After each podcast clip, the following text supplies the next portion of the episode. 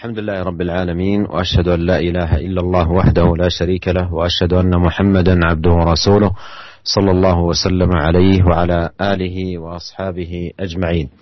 أما بعد أيها الإخوة المستمعون لا نزال في كتاب الصبر أو في باب الصبر من كتاب رياض الصالحين للإمام النووي رحمه الله تعالى. أورد رحمه الله حديث أبي هريرة رضي الله عنه أن رسول الله صلى الله عليه وسلم قال: ليس الشديد بالسرعة إنما الشديد الذي يملك نفسه عند الغضب متفق عليه. هذا الحديث يبين فيه نبينا عليه الصلاة والسلام مقاما عظيما من مقامات الصبر الذي ينبغي أن يتحلى به المسلم وذلك عندما تقع بينه وبين آه، أحد إخوانه أو أحد الناس آه، خصومة أو خلاف أو مشادة أو نحو ذلك فعليه في مثل هذا المقام أن يتحلى بالصبر. فالذي يصبر ويتحلى بالصبر ويملك نفسه عند الغضب فهو الشديد حقا وهو القوي. أما الذي مجرد ما تقع مشادة بينه أو وبين آخر أو أو خلاف أو نحو ذلك فمباشرة يبدأ بالملاسنة والمصارعة وغير ذلك من الأعمال والتصرفات. فليس هذا دليل على أنه رجل قوي وشديد وإنما القوي فعلا الذي يملك نفسه عند الغضب. ف يحجز نفسه ويمنعها من الاندفاع سواء كان الاندفاع باقوال غير لائقه أو باعمال كذلك غير لائقه. para pendengar yang dirahmati oleh Allah Subhanahu wa taala, kita masih dalam bab sabar dalam kitab Riyadhus Shalihin. Dan dalam bab ini Al-Imam Nawawi rahimahullah membawakan sebuah hadis dari Abu Hurairah radhiyallahu taala anhu, anna Rasulullah sallallahu alaihi wasallam qaal bahwasanya Rasulullah sallallahu alaihi wasallam bersabda, "Laisa syadidu bisur'ah." Bukanlah orang yang kuat adalah orang yang selalu menang dalam pergulatan perkelahian. Innama syadidul ladzi yamliku nafsahu indal ghadab. Akan tapi orang yang kuat adalah orang yang mampu untuk menahan dirinya tatkala dia dalam keadaan marah. Hadis yang diriwayatkan oleh Imam Bukhari dan Imam Muslim dalam sahih mereka. Para pendengar yang dirahmati oleh Allah Subhanahu wa taala, hadis ini, dalam hadis ini Nabi Shallallahu alaihi wasallam menjelaskan tentang kedudukan yang agung dari kedudukan sabar. Yang hendaknya seorang berhias dengan sifat sabar terutama tatkala timbul pertikaian atau permusuhan antara dia dengan saudaranya. Timbul khilaf, permusuhan, pertentangan antara dia dengan saudaranya. Hendaknya dia menyabarkan dirinya dan menahan dirinya Orang yang seperti ini yang mampu bisa menahan dirinya dalam keadaan marah adalah orang yang benar-benar kuat secara hakikat. Dialah yang hakikat yang kuat. Ya. Adapun seorang yang begitu timbul permasalahan, timbul khilaf sedikit, marah, kemudian segera mengumpat, kemudian segera melaknat, kemudian segera uh, berkelahi, maka orang ini bukanlah orang yang kuat. Orang ini adalah orang yang lemah, tidak bisa menahan dirinya. Ya, ini menunjukkan bahwasanya dia adalah orang orang yang lemah. Adapun orang yang kuat yang benar-benar kuat adalah orang yang mampu menahan dirinya tatkala timbul kemarahan dalam dirinya dia bisa menahan dirinya untuk tidak melakukan hal-hal yang tercela yang menunjukkan ketidaksabaran. وقوله في هذا الحديث ليس الشديد بالسرعة السرعة أصله عند العرب من يصارع الناس كثيرا يعني رجل معروف بذلك فمن كان كذلك ليس هو الشديد نعم كثير من الناس يظن أن من يعرف بمصارعة الناس والدخول معهم في الصراع وفي كذا يصفونه بأنه الشديد. وهذا المتبادر في أذهان كثير من الناس. لكن الواقع والحقيقة أن الأمر هو ما أخبر به نبينا عليه الصلاة والسلام أن الشديد هو الذي يملك نفسه. فلا يندفع لا بأقوال نابية ولا بأعمال أيضا سيئة Adapun sabda Nabi Shallallahu Alaihi Wasallam, "Laisa syadidu bisur'ah." Bukanlah orang yang kuat adalah orang yang uh, jago bergulat atau jago berkelahi. Ya.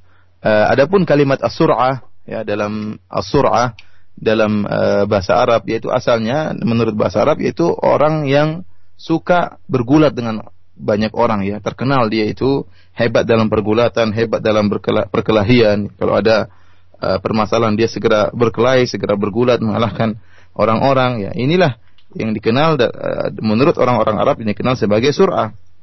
Dan inilah yang uh, timbul di benak kebanyakan orang tatkala mereka mendengar seorang yang kuat yaitu orang yang memang jago berkelahi, jago bergulat, dia selalu mengalahkan orang lain dalam uh, pergulatan. Ini yang ter, ter, terlintas dalam benak kebanyakan orang.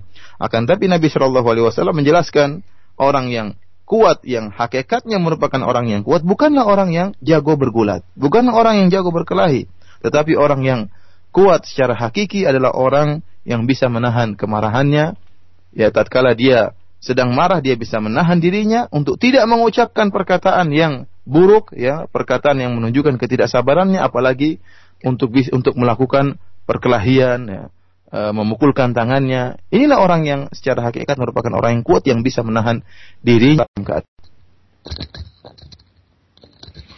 ثم أورد الإمام النووي تعالى حديث سليمان بن صرد رضي الله عنه قال كنت جالسا مع النبي صلى الله عليه وسلم ورجلان يستبان أي يسب أحدهما آه، الآخر فيبادله الآخر بذلك.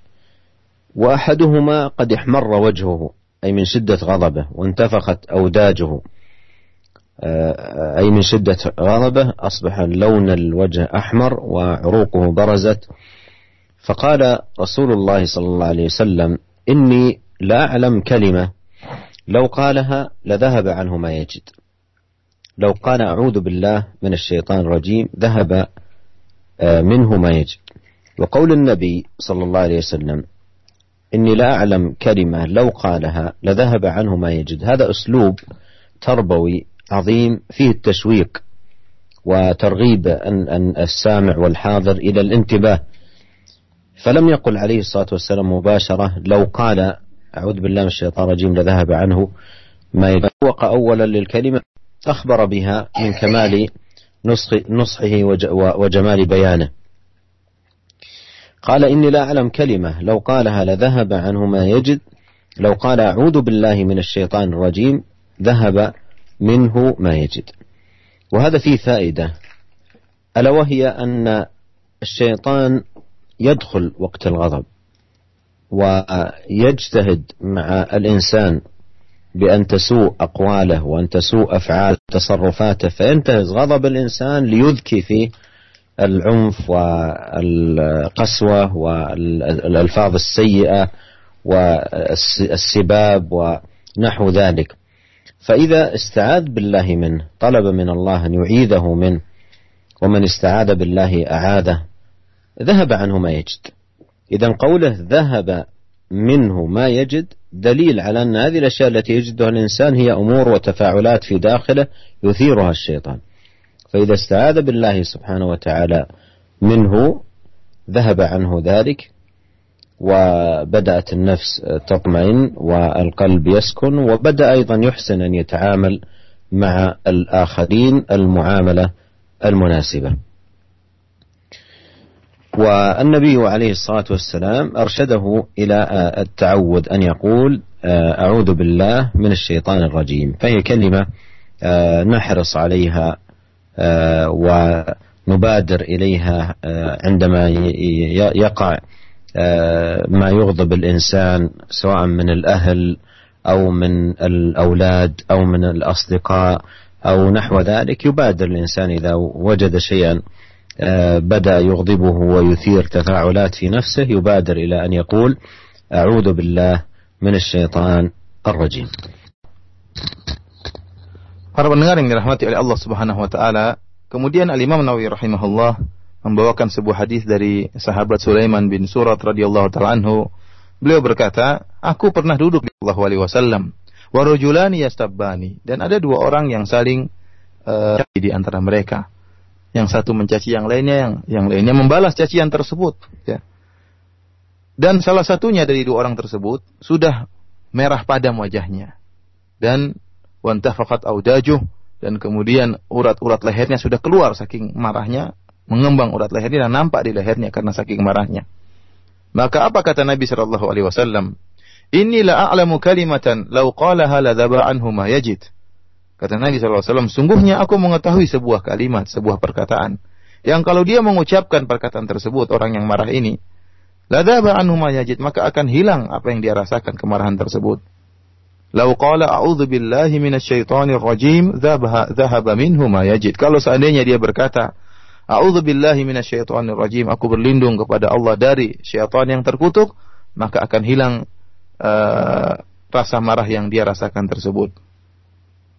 Maka mereka berkata kepadanya, Inna Nabi Shallallahu Alaihi Wasallam kau ta'awad billahi minasyaitonir rajim. Sungguhnya Nabi SAW mengatakan, hendaknya engkau beristiadah kepada Allah Subhanahu Wa Taala dari syaitan yang terkutuk. Para pendengar yang dirahmati oleh Allah Subhanahu Wa Taala, perhatikan dalam hadis ini, Nabi Shallallahu Alaihi Wasallam mengatakan, Inilah alamu kalimah. Sungguhnya aku mengetahui sebuah kalimat. Rasulullah SAW memberi targhib agar membuat para sahabat yang mendengar tadi penasaran apa kalimat tersebut. Rasulullah SAW tidak mengatakan langsung kalau dia mengatakan auzubillahi minasyaitonirrajim akan hilang rasa marahnya. Tapi Nabi SAW membuka dengan seakan-akan uh, suatu uh, cara metode tarba, tar, tarbiyah yang bisa menimbulkan penasaran para sahabat, menarik perhatian mereka. Kata Nabi SAW, inilah a'lamu kalimah. Sungguhnya saya mengetahui kalimat kalau dia ucapkan kalimat tersebut, perkataan tersebut akan hilang rasa marahnya. Tentunya orang yang mendengar perkataan Nabi ini akan tertarik dan penasaran ingin mengetahui apa kalimat tersebut. Ini metode pengajaran yang diajarkan oleh Nabi SAW kepada para sahabatnya. Setelah itu baru Nabi SAW menjelaskan, Lau qala billahi rajim. Kalau seandainya dia berkata, aku berlindung kepada Allah dari syaitanir rajim, syaitan yang terkutuk, maka akan hilang rasa uh, amarahnya. Dalam hadis ini ada faedah yang sangat besar yang kita peroleh para pendengar yang dirahmati oleh Allah Subhanahu wa taala. Bahwasanya syaitan ikut hadir dalam tatkala seorang sedang marah. Bahkan syaitan masuk dalam diri seorang ya dan beristihad bersungguh-sungguh bagaimana agar orang tersebut bisa melampiaskan kemarahannya. Syaitan akan menuntunnya. Ya orang yang sedang marah itu sedang dituntun oleh syaitan dan dikobarkan amarahnya oleh syaitan agar dia bisa mengucapkan perkataan-perkataan yang buruk, agar dia bisa mencaci dan kalau perlu dia melampiaskan dengan pukulan, ya dengan gangguan fisik. Ini yang dihadapkan oleh syaitan.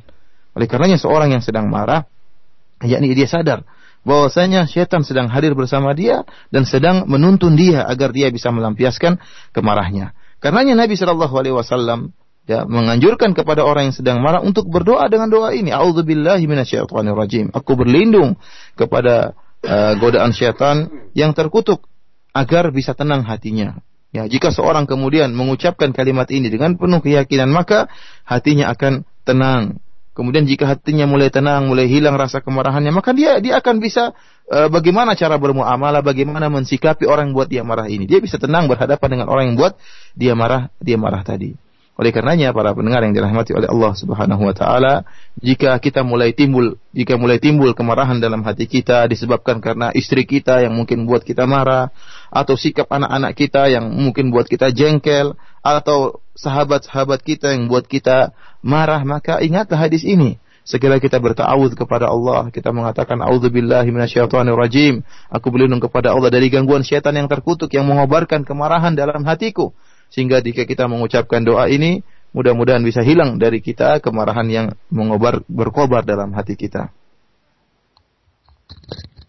ثم أورد الإمام النووي رحمه الله تعالى حديث معاذ بن أنس رضي الله عنه أن النبي صلى الله عليه وسلم قال من كظم غيظا وهو قادر على أن ينفذه دعاه الله سبحانه وتعالى على رؤوس الخلائق يوم القيامة حتى يخيره من الحور العين ما شاء.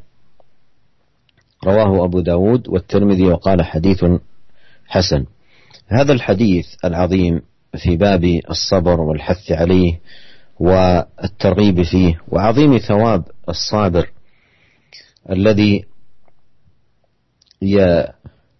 يمر عليه في هذه الحياة الدنيا ممن يلقاهم ويعاملهم يمر عليه مواقف آه، تسبب غيظا وحنقا وغضبا فيكظم ذلك يكظمه ويحتمل الأسباب التي وجد بسببها هذا الغيظ ويصبر على ذلك. طلبا لثواب الله سبحانه وتعالى وأجره في وقت هو قادر على أن ينفذه يعني ليس آه، ضعيفا أو لا, قدرة له على أن ينفذ آه، ما آه، أغضب لأجله وإنما لديه قدرة على أن ينفذه. فثواب من كان كذلك عند الله سبحانه وتعالى أن الله أن أن الله جل وعلا يدعوه يوم القيامة على رؤوس الخلائق. على رؤوس الخلائق حتى يخيره من الحور العين ما شاء. يتخير ما آه، شاء من آه، الحور آه، العين في جنات النعيم. فهذا ثواب عظيم. ينبغي على الإنسان أن يستذكره وأن يترك ما تحدث من تفاعلات على إثر الغيظ ويكظم ذلك تحسبا وطمعا في الفوز بهذا الثواب العظيم الذي ذكره نبينا عليه الصلاة والسلام في هذا الحديث Para pendengar yang dirahmati oleh Allah Subhanahu wa taala, kemudian uh, Al-Imam Nawawi rahimahullah membawakan hadis yang lain dari sahabat Muadz bin Anas radhiyallahu taala anhu, anna Nabi sallallahu alaihi wasallam bahwasanya Nabi sallallahu alaihi wasallam pernah bersabda, "Man ghaidhan wa qadirun ala an da'ahu Allahu ala ru'usil khalaiq yaumal qiyamah." hatta yukhayyirahu bainal huril ain masya. Kata Nabi Shallallahu alaihi wasallam barang siapa yang menahan amarahnya padahal dia mampu untuk melampiaskan kemarahannya, maka Allah Subhanahu wa taala akan memanggilnya pada hari kiamat kelak di hadapan seluruh manusia di hadapan khalayak pada hari kiamat sampai kemudian Allah Subhanahu wa taala membuat dia memilih bidadari yang dia sukai. Hadis ini hadis yang diriwayatkan oleh Abu Dawud dan Tirmidzi dan Imam Tirmidzi mengatakan hadisun hasan, hadis yang hasan. Para pendengar yang dirahmati oleh Allah Subhanahu wa taala, hadis yang agung ini menjelaskan tentang keagungan sabar dan menjelaskan bagaimana ganjaran yang sangat besar yang Allah siapkan bagi orang-orang yang bersabar. Kita tahu bahwasanya dalam kehidupan ini kita berhadapan dengan kondisi-kondisi yang berubah-ubah. Terkadang kita berhadapan dengan kondisi-kondisi ya situasi-situasi yang membuat kita marah. Ya, ada sebab-sebab yang membuat kita marah, membuat kita benar-benar jengkel dan murka ya. Oleh karenanya seorang yang bersabar tatkala dihadapkan dengan situasi seperti ini yang buat dia marah, kemudian dia ya menahan amarahnya dalam rangka untuk mencari ridha Allah Subhanahu wa taala, mencari ganjaran yang dijanjikan Allah Subhanahu wa taala, maka dia akan mendapatkan ganjaran yang dijanjikan oleh Allah Subhanahu wa taala. Padahal pada waktu tersebut dia mampu untuk melampiaskan kemarahannya. Dia bukan tidak marah karena tidak mampu, bukan karena tidak tidak marah karena penakut atau tidak mampu atau lemah bukan dia mampu untuk melampiaskan kemarahannya dia mampu akan tapi dia tahan amarahnya ya karena Allah Subhanahu wa taala karena mengharapkan ganjaran dari Allah Subhanahu wa taala maka barang siapa yang bisa menahan amarahnya karena Allah Subhanahu wa taala padahal dia mampu untuk melampiaskannya, maka orang ini akan dimuliakan oleh Allah pada hari kiamat kelak dengan dipanggil oleh Allah Subhanahu wa taala di hadapan banyak manusia, diperlihatkan oleh Allah Subhanahu wa taala kemuliaan orang ini. Kemudian dibuat di, di, dibuat uh, Allah Subhanahu wa taala membuat dia bebas untuk memilih bidadari yang dia sukai. Jadi ini merupakan merupakan ganjaran yang sangat luar biasa. Oleh karenanya seorang yang sedang marah hendaknya mengingat ganjaran ini. Bukankah dia ingin memilih bidadari yang dia sukai, kemudian dia pun menahan amarahnya karena Allah Subhanahu wa taala. ثم أورد الإمام النووي رحمه الله تعالى حديث أبي هريرة رضي الله عنه أن رجلا قال للنبي صلى الله عليه وسلم أوصني. قال لا تغضب. فردد مرارا قال لا تغضب. رواه البخاري. هذا الحديث فيه أن رجلا طلب من النبي عليه الصلاة والسلام أن يوصيه. أي أن يفوز طلب أن يفوز من النبي عليه الصلاة والسلام بوصية جامعة. فالنبي عليه الصلاة والسلام لم يزد على أن قال له لا تغضب. ولكون الرجل ما زال يتحرى وينتظر آه، مزيدا من البيان فردد مرارا السؤال يعني أوصني فكان النبي عليه الصلاة والسلام يقول له لا تغضب.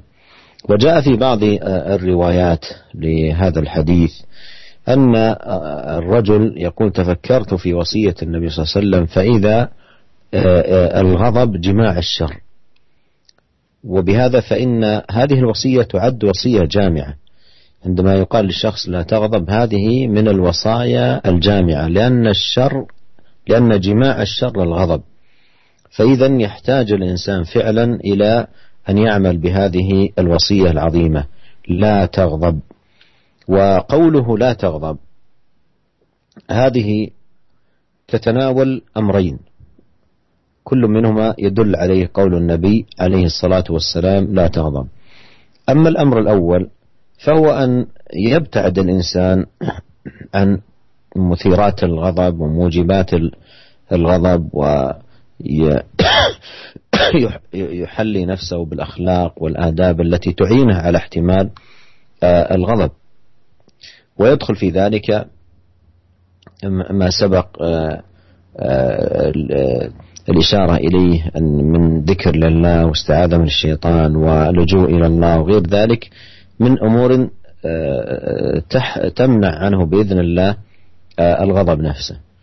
والمعنى الثاني الذي أيضا يدل عليه الحديث هو أن الإنسان عندما يحصل موجب الغضب لا يغضب يعني يمنع نفسه عن الأمور التي يطلبها منها من منها غضبه مثل أن يضرب أو يشتم أو نحو ذلك فهذه كلها يتجنبها عملا بقول النبي عليه الصلاة والسلام لا تغضب. الشاهد أن هذه وصية عظيمة جامعة. وإدخال المؤلف رحمه الله لهذا الحديث في باب الصبر لأن قوله لا تغضب يعني اصبر. هذا هو المراد اصبر وتحلى بالصبر ولا آه، تتفاعل مع الأشياء التي تثير نفسك بل قابلها بالصبر والتحلي به لتسلم من غوائل الغضب. ومآلاته السيئة Kemudian Al-Imam Nawawi rahimahullah membawakan sebuah hadis dari Abu Hurairah radhiyallahu taala anhu bahwasanya ada seorang lelaki yang datang menemui Nabi dan berkata kepada Nabi sallallahu alaihi wasallam, "Ausini, wahai Rasulullah, berilah wasiat kepadaku." Maka kata Nabi sallallahu alaihi wasallam, "La taghdab, janganlah engkau marah." Faraddada miraran, qala la taghdab. Maka orang ini pun mengulangi lagi permintaannya, ya Rasulullah berilah wasiat kepadaku. Kata Nabi SAW, jangan kau marah. Dia ulangi lagi permintaannya, ya Rasulullah berilah wasiat kepadaku. Kata Nabi SAW, la takdab, janganlah kau marah. Hadis ini hadis yang sahih yang diriwayatkan oleh Al-Imam Al-Bukhari rahimahullah. Para pendengar yang dirahmati oleh Allah Subhanahu wa taala, ya, jelas dalam hadis ini ada seorang yang datang menemui Nabi sallallahu alaihi wasallam dan ingin uh, mendapatkan wasiat Nabi sallallahu alaihi wasallam ingin memperoleh uh, keberuntungan dan kemenangan dengan menjalankan wasiat Nabi Shallallahu Alaihi Wasallam. Oleh karenanya dia minta wasiat kepada Nabi Shallallahu Alaihi Wasallam. Namun Nabi Shallallahu Alaihi Wasallam hanya mengatakan la takdab, jangan kau marah. Rasulullah SAW tidak menambah satu perkataan pun, tidak menambah satu kata pun, satu kalimat pun dari perkataan beliau la takdab, jangan kau marah. Akan tapi orang ini seakan-akan dia ingin menambah mendapatkan tambahan wasiat, dia ingin mendapatkan tambahan wasiat dari Nabi SAW, ingin mendapatkan tambahan penjelasan dari Nabi SAW, maka dia ulang lagi permintaannya. Dia mengatakan, "Aus ini wahai Rasulullah, berilah wasiatku, wasiat kepadaku." Nabi SAW tidak menambah perkataannya. Rasulullah SAW mengatakan, "La taqdab, jangan jangan kau marah." Dia ulangi lagi, ingin menambah wasiat, uh, wasiat dari Nabi SAW akan tapi Nabi SAW tidak merubah perkataannya dan hanya mengatakan la taqdab janganlah kau marah. Para pendengar yang dirahmati oleh Allah Subhanahu wa taala, dalam sebagian riwayat, orang ini mengatakan, "Saya pun berpikir tentang wasiat Nabi Shallallahu alaihi wasallam, maka saya dapati bahwasanya al-ghadab jima'us syarr, bahwasanya kemarahan merupakan hal yang mengumpulkan seluruh keburukan." Oleh karenanya, eh, tatkala kita mengetahui bahwasanya ghadab merupakan hal yang mengumpulkan segala keburukan karena dengan kemarahan tersebut akan muncul banyak Eh, perkara-perkara yang dilarang oleh Allah Subhanahu wa taala, baik makian maupun mukulan bahkan hal-hal yang diharamkan oleh Allah Subhanahu wa taala ditimbulkan karena kemarahan. Oleh karenanya seorang tatkala uh, mengetahui hal ini bahwasanya ghadab, kemarahan itu bisa menimbulkan banyak keburukan, hendaknya dia mengamalkan hadis ini. Jangan sampai dia marah. Dan sabda Nabi Shallallahu alaihi wasallam la taqdab, janganlah kau marah. Ini mengandung dua perkara yang hendaknya dikerjakan oleh seorang muslim. Yang pertama, seorang muslim berusaha untuk menjauhkan dirinya dari sebab-sebab yang bisa menimbulkan kemarahan. Kalau dia tahu hal itu bisa menimbulkan kemarahannya, maka dia jauhi sebab tersebut. Ya. ya dia jauhi sebab tersebut. Termasuk dalam usaha dia untuk menjauhkan dirinya dari kemarahan adalah hal-hal yang tadi telah lewat kita bicarakan. Seperti hendaknya dia berzikir kepada Allah, mengingat Allah Subhanahu wa taala, mengingat ganjaran yang Allah janjikan bagi orang yang bersabar. Kemudian juga dia bertawudz billah, berlindung kepada Allah dari gangguan syaitanir rajim, ya. Hal ini semuanya merupakan salah satu atau perkara-perkara yang merupakan yang mengantarkan seorang muslim untuk terhindar dari kemarahan. Ini yang pertama.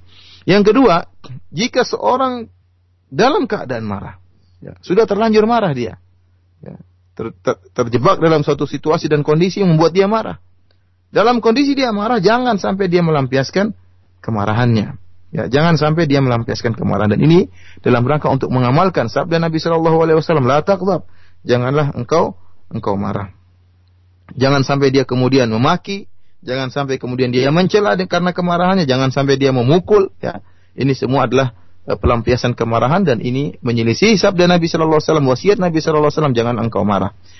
Yang jadi perhatian kita dalam hadis ini para pendengar yang dirahmati oleh Allah Subhanahu wa taala, uh, wasiat Nabi ini merupakan wasiat yang sangat mengandung banyak kebaikan dan Al-Imam Nawawi rahimahullah tatkala memasukkan hadis ini dalam bab sabar, la taqdab dimasukkan dalam bab sabar karena sabda Nabi sallallahu alaihi wasallam la taqdab janganlah kau marah itu sama dengan Nabi mengatakan sabarlah engkau.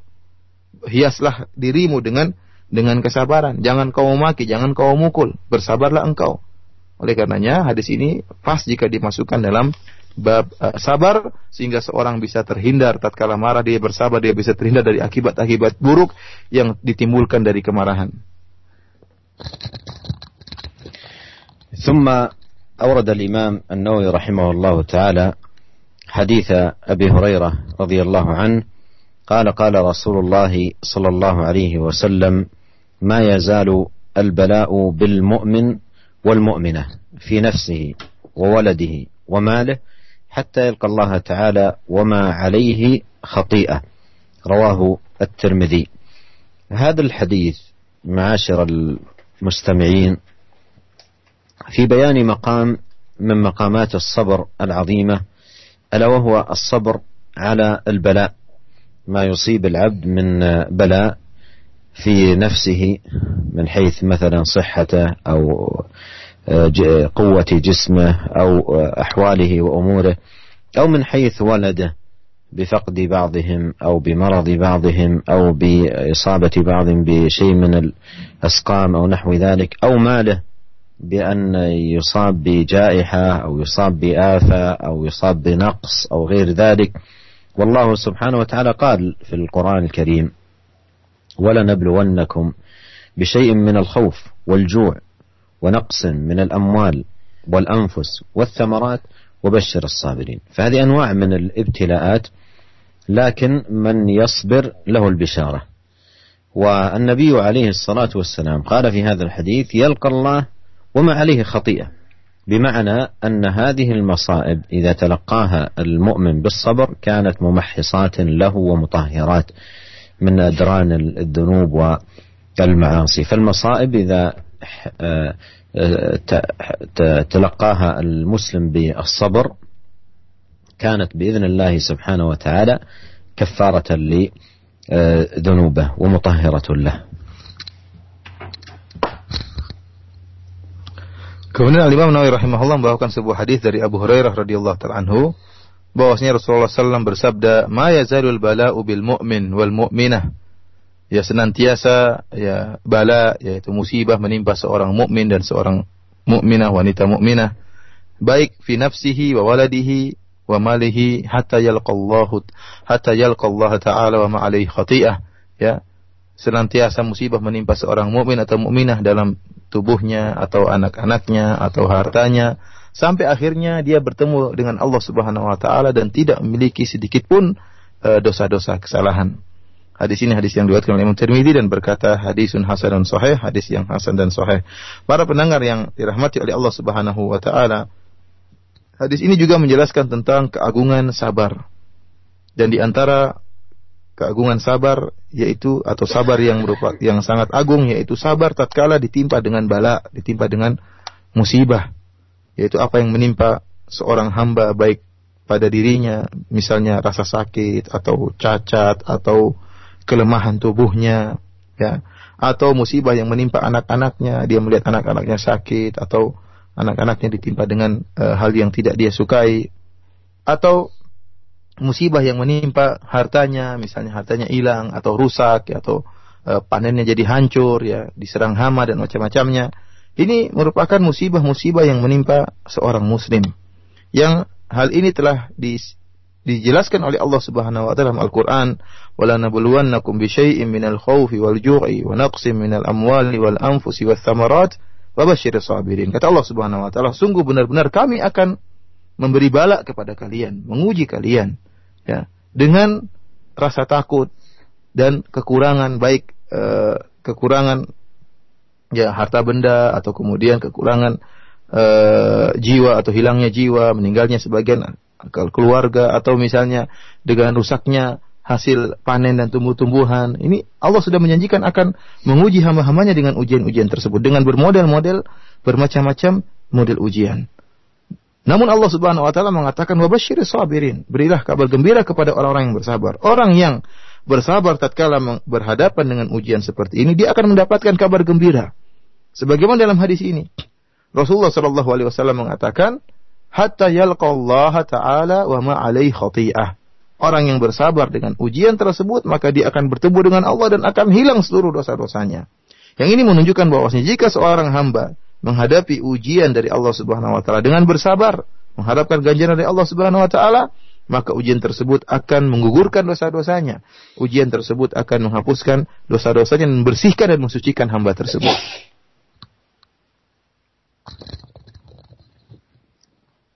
ثم أورد الإمام النووي رحمه الله تعالى حديث ابن عباس رضي الله عنهما. قال قدم عيينة ابن حصن فنزل على ابن أخيه الحر ابن قيس. وكان من النفر الذين يدنيهم عمر رضي الله عنه. وكان القراء أصحاب مجلس عمر ومشاورته كهولا كانوا أو شبانا. فقال عيينة لابن أخيه يا ابن أخي لك وجه عند هذا الأمير فاستأذن لي عليه. فاستأذن له فأذن له عمر فلما دخل قال هي هي يا ابن الخطاب وهي كلمة تهديد. قال فوالله ما تعطينا الجزل ولا تحكم فينا بالعدل. فغضب عمر رضي الله عنه حتى هم أن يوقع به. فقال له الحر يا أمير المؤمنين إن الله تعالى قال لنبيه صلى الله عليه وسلم خذ العفو وأمر بالعرف وأعرض عن الجاهلين. وإن هذا من الجاهلين. والله ما جاوزها عمر حين تلاها. وكان وقافا عند كتاب الله رواه البخاري.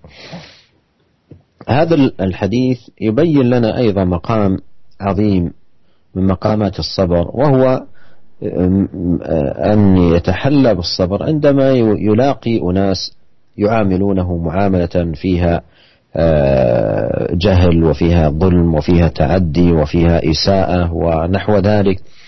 فيقابل ذلك بالصبر ويتجنب الغضب وموجباته.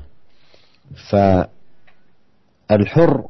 رضي الله عنه آه، قال لي قال لي لعمر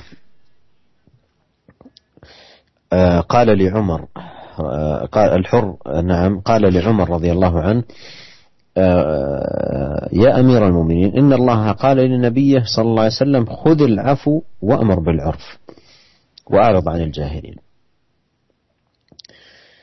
والآية من أعظم الآيات في باب الأخلاق والآداب وكمال التعامل مع الناس بل هي أجمع كما ذكر غير ذلك غير واحد المفسرين آية في هذا الباب. فيها جماع الآداب. وقوله خذ العفو أي ما, ما سمحت به أخلاق الناس لأن الناس أخلاقهم متفاوتة ليسوا كلهم على خلق واحد. منهم من خلقه فاضل ومنهم من هو دون ذلك ومنهم من هو سيء الأخلاق والتعامل. فإذا لا تنتظر من الناس كلهم من الناس كلهم أن يعاملوك بمعاملة آه، جيدة وجميلة وحسنة. بل ستجد فيهم أناس يعاملونك معاملة فيها شيء من الجفاء أو الجهل أو الظلم أو نحو ذلك.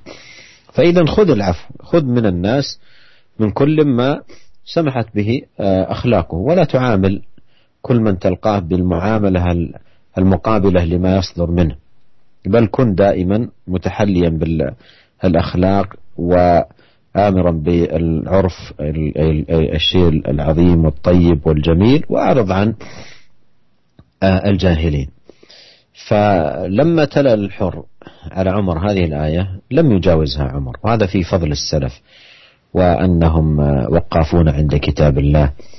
وفي أيضا هذا أهمية التذكير بالقرآن وبالآيات لأن القرآن له هيبة وله مكانة وله هداية. وله بركة.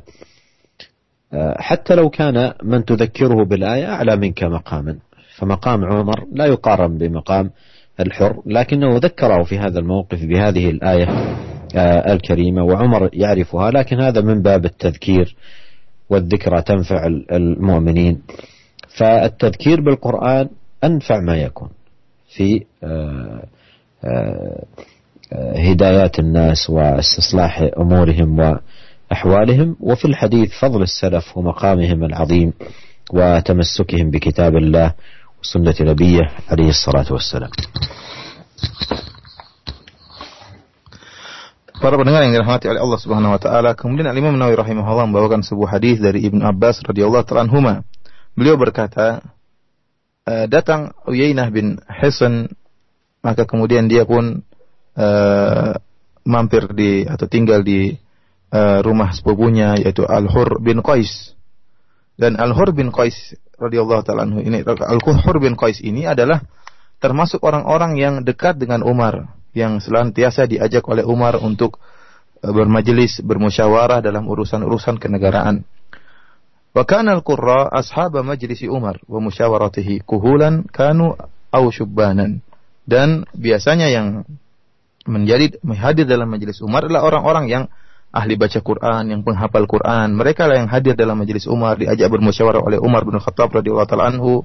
Baik mereka uh, sudah tua maupun masih masih muda. Uyainah berkata kepada Al-Hur, "Wahai anak dari saudara saudaraku, ya. Laka wajhun inda hadal amir. Sungguhnya engkau memiliki kedudukan di sisi Amirul Mukminin, di sisi Umar bin Khattab radhiyallahu taala anhu. Fasta'dzin li alaihi. Oleh karenanya mintalah izin kepada Umar agar aku bisa menemuinya. Maka Al-Hur ya ya meskipun dia masih muda akan tapi dia memiliki kedudukan di sisi Umar ya dia pun minta izin kepada Umar bin Khattab radhiyallahu taala anhu agar saudaranya ini Uyainah bisa bertemu dengan dengan Umar dan diizinkan oleh Umar bin Khattab radhiyallahu taala anhu tatkala Uyainah bertemu dengan Umar maka dia pun berkata hi ya ibn al-Khattab wallahi ma tu'tina al-jazal wa la tahkum fina bil adl dia pun mengucapkan kalimat hentakan ya, kalimat agak marah kepada Umar bin Khattab radhiyallahu taala anhu dia mengatakan, "Hei Umar, ya, sungguhnya engkau tidak memberikan kami harta yang banyak ya. Dan engkau tidak berbuat adil dalam berhukum." Mendengar perkataan ini, ya, ghadiba Umar, maka Umar pun Umar pun marah ya. Hatta hamma an yuqi'a bihi sampai Umar pun hendak ingin membeli memberi pelajaran kepada Uyainah ini. Maka tatkala melihat kondisi seperti itu, Al-Hur pun menegur Umar bin Khattab radhiyallahu taala anhu dan berkata, "Ya Amirul Mukminin, inna Allah Ta'ala qala li Nabi sallallahu alaihi wasallam, wahai Amirul Mukminin, wahai Umar bin Khattab, sungguhnya Allah Subhanahu wa taala telah berkata kepada nabinya Muhammad sallallahu alaihi wasallam, khudhil afwa wa'mur bil 'urf wa a'rid 'anil jahilin." Hendaklah engkau maafkan dan perintahlah kebaikan dan berpalinglah engkau dari orang-orang yang jahil. Kemudian kata Al-Hur, sungguhnya orang ini yaitu Uyainah termasuk orang-orang yang jahil. Maka tatkala mendengar itu, Umar bin Khattab radhiyallahu taala anhu pun berhenti dan dia adalah orang yang waqafan inda kitabillahi taala, orang yang senantiasa taat kepada dan berhenti sesuai dengan perintah Allah Subhanahu wa taala. Hadis ini hadis yang diriwayatkan oleh Imam Al-Bukhari. Hadis ini para pendengar yang rahmati oleh Allah Subhanahu wa taala juga menjelaskan tentang kedudukan yang agung dari sabar. Ya bahwasanya seorang muslim hendaknya berhias menghias dirinya dengan dengan kesabaran terutama tatkala dia bermuamalah dengan orang-orang ya. Karena di antara masyarakat, di antara orang-orang ada orang yang jahil yang dengan kejahilannya kemudian dia berbuat kezaliman, mengucapkan kata-kata yang membuat marah ya. Hendaknya seorang muslim tatkala bermuamalah dengan manusia, dengan masyarakat dia dia bersabar. Lihatlah dalam hadis ini Al-Hur menegur Amirul Mukminin, menegur Umar bin Khattab radhiyallahu taala dengan mengatakan, "Wahai Amirul Mukminin, sungguhnya Allah telah berkata berfirman kepada nabinya, Khudil afwa wa'mur bil urfi wa arid anil jahilin. Hendaknya engkau maafkan dan uh, berperintahlah kepada kebaikan dan berpalinglah engkau dari orang-orang yang yang jahil, orang-orang yang bodoh. Yang ayat ini ya merupakan termasuk ayat yang paling agung tentang bagaimana kita berakhlak kepada manusia, beradab kepada manusia, dan bagaimana kita bertaamul, bermuamalah dengan dengan manusia. Oleh karenanya ini disebutkan oleh sebagian ulama merupakan ayat yang mengumpulkan adab-adab bagaimana bermuamalah dengan dengan orang lain dengan masyarakat. Firman Allah Subhanahu wa taala, "Khudhil afwa." Ambillah ya, ambillah maaf. Artinya berilah kemaafan kepada masyarakat. Ya, kenapa? Karena masyarakat orang-orang itu bertingkat-tingkat dalam akhlak. Ada yang akhlaknya baik, ada yang akhlaknya buruk, ada yang akhlaknya sedang, ada yang akhlaknya sangat rendah, ada yang buat jengkel, ada yang buat senang. Tingkat akhlak masyarakat itu bertingkat-tingkat. Oleh karenanya jika kita bermuamalah dengan masyarakat, jangan sampai engkau menunggu, jangan sampai kita menunggu mereka berbuat berbuat baik kepada kita. Dan kalau mereka melakukan kesalahan, jangan tunggu mereka minta maaf kepada kita. Kita yang maafkan mereka karena begitulah masyarakat. Ya. Mereka berbeda-beda ya. Tidak semua baik ya. Bahkan ada juga yang buruk, ada yang akhlaknya rendah. Oleh karenanya tidak perlu kita menunggu uh, uh, mereka minta maaf kepada kita, tapi kita maafkan maafkan mereka. Dan hendaknya seakan-akan Allah mengatakan hendaknya engkau senantiasa berhias dengan sikap pemaaf dan hendaknya engkau senantiasa berhias dengan sikap mengajak manusia kepada kebaikan. Dan hendaknya engkau berpaling dari orang-orang orang-orang yang jahil. Dan hadis ini menunjukkan bagaimana uh, keutamaan para para salaf dahulu. Bagaimana Umar bin Khattab radhiyallahu taala anhu begitu mendengar firman Allah Subhanahu wa taala langsung berhenti dan taat kepada perintah Allah Subhanahu wa taala. Dan hadis ini juga menjelaskan tentang pentingnya kita memberi tazkir peringatan dengan Al-Qur'an. Al-Hur ya ya memberi peringatan kepada Umar bin Khattab radhiyallahu taala anhu dengan membacakan salah satu ayat dari firman-firman Allah Subhanahu wa taala. Meskipun orang yang kita ingatkan itu lebih bertakwa daripada kita, lebih berilmu daripada kita. Tentunya Umar bin Khattab radhiyallahu taala anhu lebih bertakwa dan lebih berilmu daripada Al-Hur ya. Tidak bisa dibandingkan antara kemuliaan Umar dengan Hur. Akan tapi hal ini tidak menghalangi Al-Hur untuk mengingatkan Umar bin Khattab radhiyallahu taala taala anhu. Karena Allah mengatakan Fa inna dzikra tanfa'ul mu'minin karena memberi peringatan itu akan beri manfaat kepada kaum mukminin. Oleh karenanya kita memberi peringatan dengan Al-Qur'an dan ini sangat memberi peringatan dengan Al-Qur'an sangat penting terutama dalam kehidupan bermasyarakat. Karena bagaimanapun Al-Qur'an itu memiliki haibah, memiliki keberkahan. Ya, seorang tatkala mendengar Al-Qur'an tentunya berbeda dengan orang yang mendengarkan hanya sekedar perkataan manusia. Oleh karenanya tatkala kita uh, menyampaikan kepada masyarakat, jangan lupa kita mengingatkan mereka dengan ayat-ayat dalam Al-Qur'anul Karim. ثم أورد الإمام النووي رحمه الله تعالى حديث ابن مسعود رضي الله عنه أن رسول الله صلى الله عليه وسلم قال إنها ستكون بعدي أثرة والأثرة هي الانفراد بالشيء عمن له حق فيه بأن يستأثر به دون الآخر وأمور تنكرونها أي أشياء ترونها منكرة. قالوا يا رسول الله فما تأمرنا؟ قال تؤدون الحق الذي عليكم وتسألون الله الذي لكم. متفق عليه. وهذا الحديث يشير فيه النبي صلى الله عليه وسلم إلى أنه ستكون من بعض الولاة والحكام أمور منكرة واستئثار بالمال ونحو ذلك. فوجه النبي صلى الله عليه وسلم آه، المسلم في مثل ذلك أن يؤدي الحق الذي عليه ويسأل الله الحق الذي له. وأورد بعده حديث آه، أسيد بن حضير أن رجلا من الأنصار قال يا رسول الله ألا تستعملني كما استعملت فلان؟ يعني في الإمرة.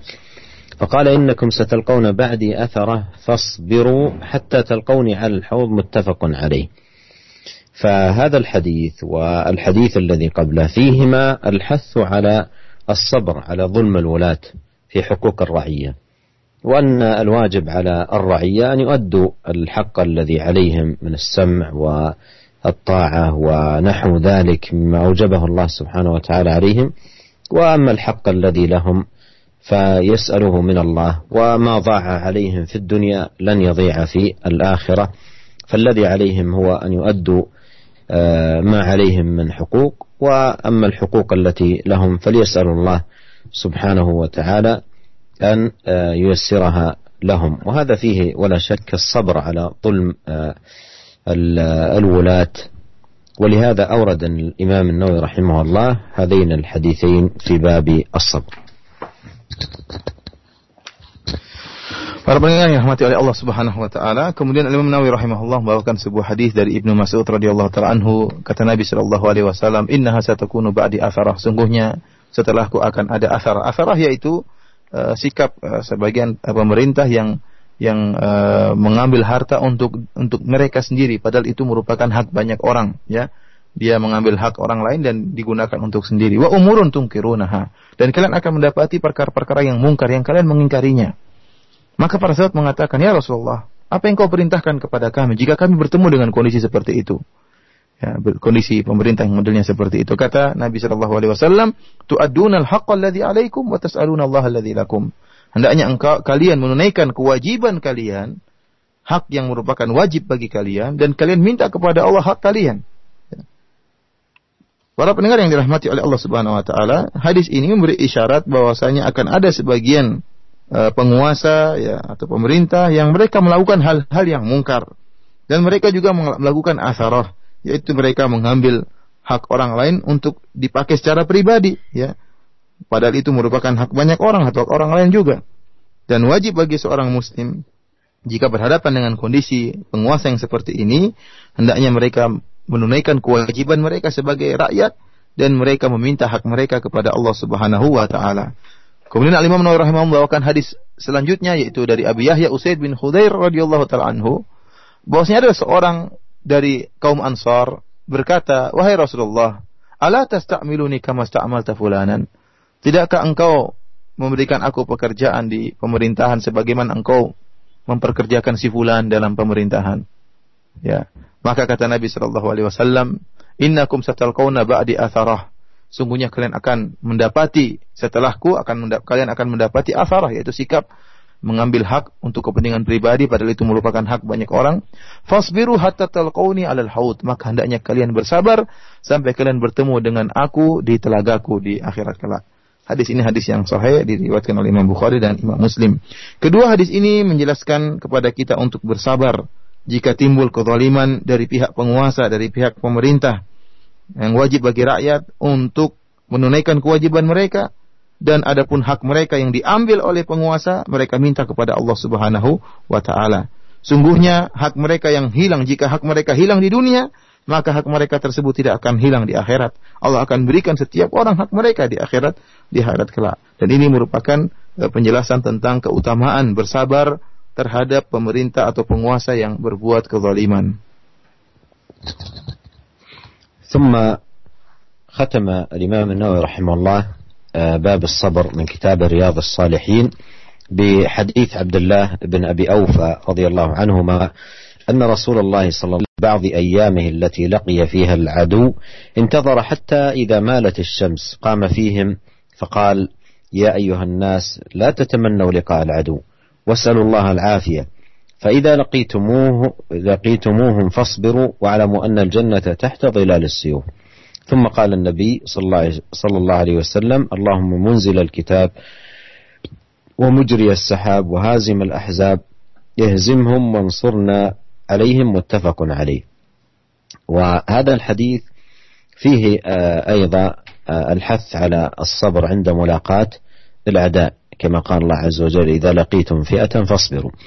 فالحث على الصبر عند ملاقاة الأعداء وأن يسأل الله سبحانه وتعالى أن يعينه ويدعو الله عز وجل بأن يهزم الأعداء وأن ينصر المسلمين عليهم. فشاهد القول من هذا الحديث للباب أن فيه حثا على الصبر عند ملاقاة الأعداء. وبهذا نأتي إلى نهاية هذا الباب باب الصبر وهو باب عظيم حوى أحاديث عظيمة وجليلة. تبين لنا أن مقام الصبر يكون مع المسلم في كل أحواله. فالعبادات تحتاج إلى صبر والمعاصي تحتاج إلى صبر حتى يتجنبها والابتلاءات أيضا تحتاج إلى صبر. فالصبر أمر عظيم يحتاج إليه المسلم في أموره كلها نسأل الله لنا جميعا التوفيق والسداد والعون على كل خير والله تعالى أعلم وصلى الله وسلم على عبده ورسوله نبينا محمد وآله وصحبه أجمعين Kemudian Al-Imam Nawawi rahimahullah membawakan sebuah hadis terakhir dalam bab sabar yaitu dari Abu Ibrahim Abdullah bin Abi Aufa radhiyallahu taala anhuma bahwasanya Rasulullah sallallahu alaihi wasallam uh, tatkala dalam suatu kondisi di, di sebagian hari di mana beliau bertemu dengan musuh dalam peperangan dalam jihad Rasulullah wasallam intadhara hatta idza malat syamsu qama fihim maka Nabi wasallam menunggu sampai tatkala matahari sudah uh, miring ya maka ya sudah bergeser maka Nabi Shallallahu Alaihi Wasallam pun berdiri di hadapan para sahabat yang sedang berperang bersama Nabi Shallallahu Alaihi Wasallam. Kemudian Nabi Wasallam menasihati mereka dan berkata, Ya ayuhan nas, la tatamannau liqa'al adu. Wahai uh, manusia, wahai para sahabatku, janganlah kalian berangan-angan untuk bertemu dengan musuh. Was'alullah al-afiyah dan mintalah kepada Allah keselamatan. Fa idza laqitumuhum fasbiru. Namun jika kalian bertemu dengan musuh-musuh kalian maka bersabarlah. Wa alamu annal jannata tahta dhilali suyuf. Ketahuilah bahwasanya surga itu berada di bawah kilatan-kilatan uh, pedang, sambaran pedang. Kemudian kata Nabi sallallahu alaihi wasallam, Allahumma munzilal kitab wa mujriyas sahab wa hazimal ahzab ihzimhum wansurna alaihim. Ya Allah yang telah menurunkan Alkitab, kitab-kitab suci yang telah menjalankan awan, yang telah menghancurkan musuh-musuh orang kafir, maka hancurkanlah mereka dan berilah kemenangan kepada kami atas mereka. Hadis ini hadis yang diriwayatkan oleh Imam Bukhari dan Imam Muslim. Para pendengar yang dirahmati oleh Allah Subhanahu wa taala, hadis ini juga menjelaskan tentang anjuran untuk bersabar tatkala bertemu dengan musuh. Sebagaimana firman Allah Subhanahu wa taala idza laqitum fi'atan fasbiru. Jika kalian bertemu dengan musuh kalian maka bersabarlah kalian ya. Oleh karenanya kesabaran diperlukan juga tatkala sedang bertemu dengan musuh-musuh Allah Subhanahu wa taala. Dan hendaknya seorang ya, yang beriman tatkala berhadapan dengan musuh-musuh Allah Subhanahu wa taala hendaknya mereka berdoa kepada Allah Subhanahu wa taala dan sebagaimana dalam hadis ini Nabi SAW berdoa kepada Allah Subhanahu wa taala agar Allah menghancurkan musuh-musuh Allah Subhanahu wa taala. Inti daripada hadis ini yaitu anjuran untuk bersabar tatkala bertemu dengan dengan musuh. Para pendengar yang dirahmati oleh Allah Subhanahu wa taala, inilah hadis terakhir yang dibawa oleh Al Imam Nawawi rahimahullah dalam bab sabar yaitu bab yang sangat agung yang menjelaskan kepada kita bahwasanya seorang muslim butuh untuk sabar dalam segala kondisinya. Dalam beribadah kepada Allah dia butuh bersabar, bersabar untuk tetap tegar beribadah kepada Allah. Ber, tatkala berhadapan dengan kemaksiatan dia pun harus bersabar agar bisa menjauhkan dirinya daripada jerat-jerat maksiat, daripada godaan-godaan maksiat Demikian juga tatkala ditimpa dengan musibah, dengan bala, dengan ujian, dia harus bersabar. Yang ini menunjukkan bahwasanya seorang muslim senantiasa bersabar dalam segala kondisi ini, dalam segala kondisinya dan semoga Allah Subhanahu wa taala memberikan kita uh, kesabaran Demikian saja para pendengar yang dirahmati oleh Allah Subhanahu wa taala kajian kita pada kesempatan hari ini. Semoga Allah Subhanahu wa taala senantiasa memberikan taufiknya kepada kita dan menghiasi akhlak kita dengan akhlak sabar dan semoga kita bisa bersua di kesempatan yang lain. Wabillahi taufik wal hidayah. Assalamualaikum warahmatullahi wabarakatuh.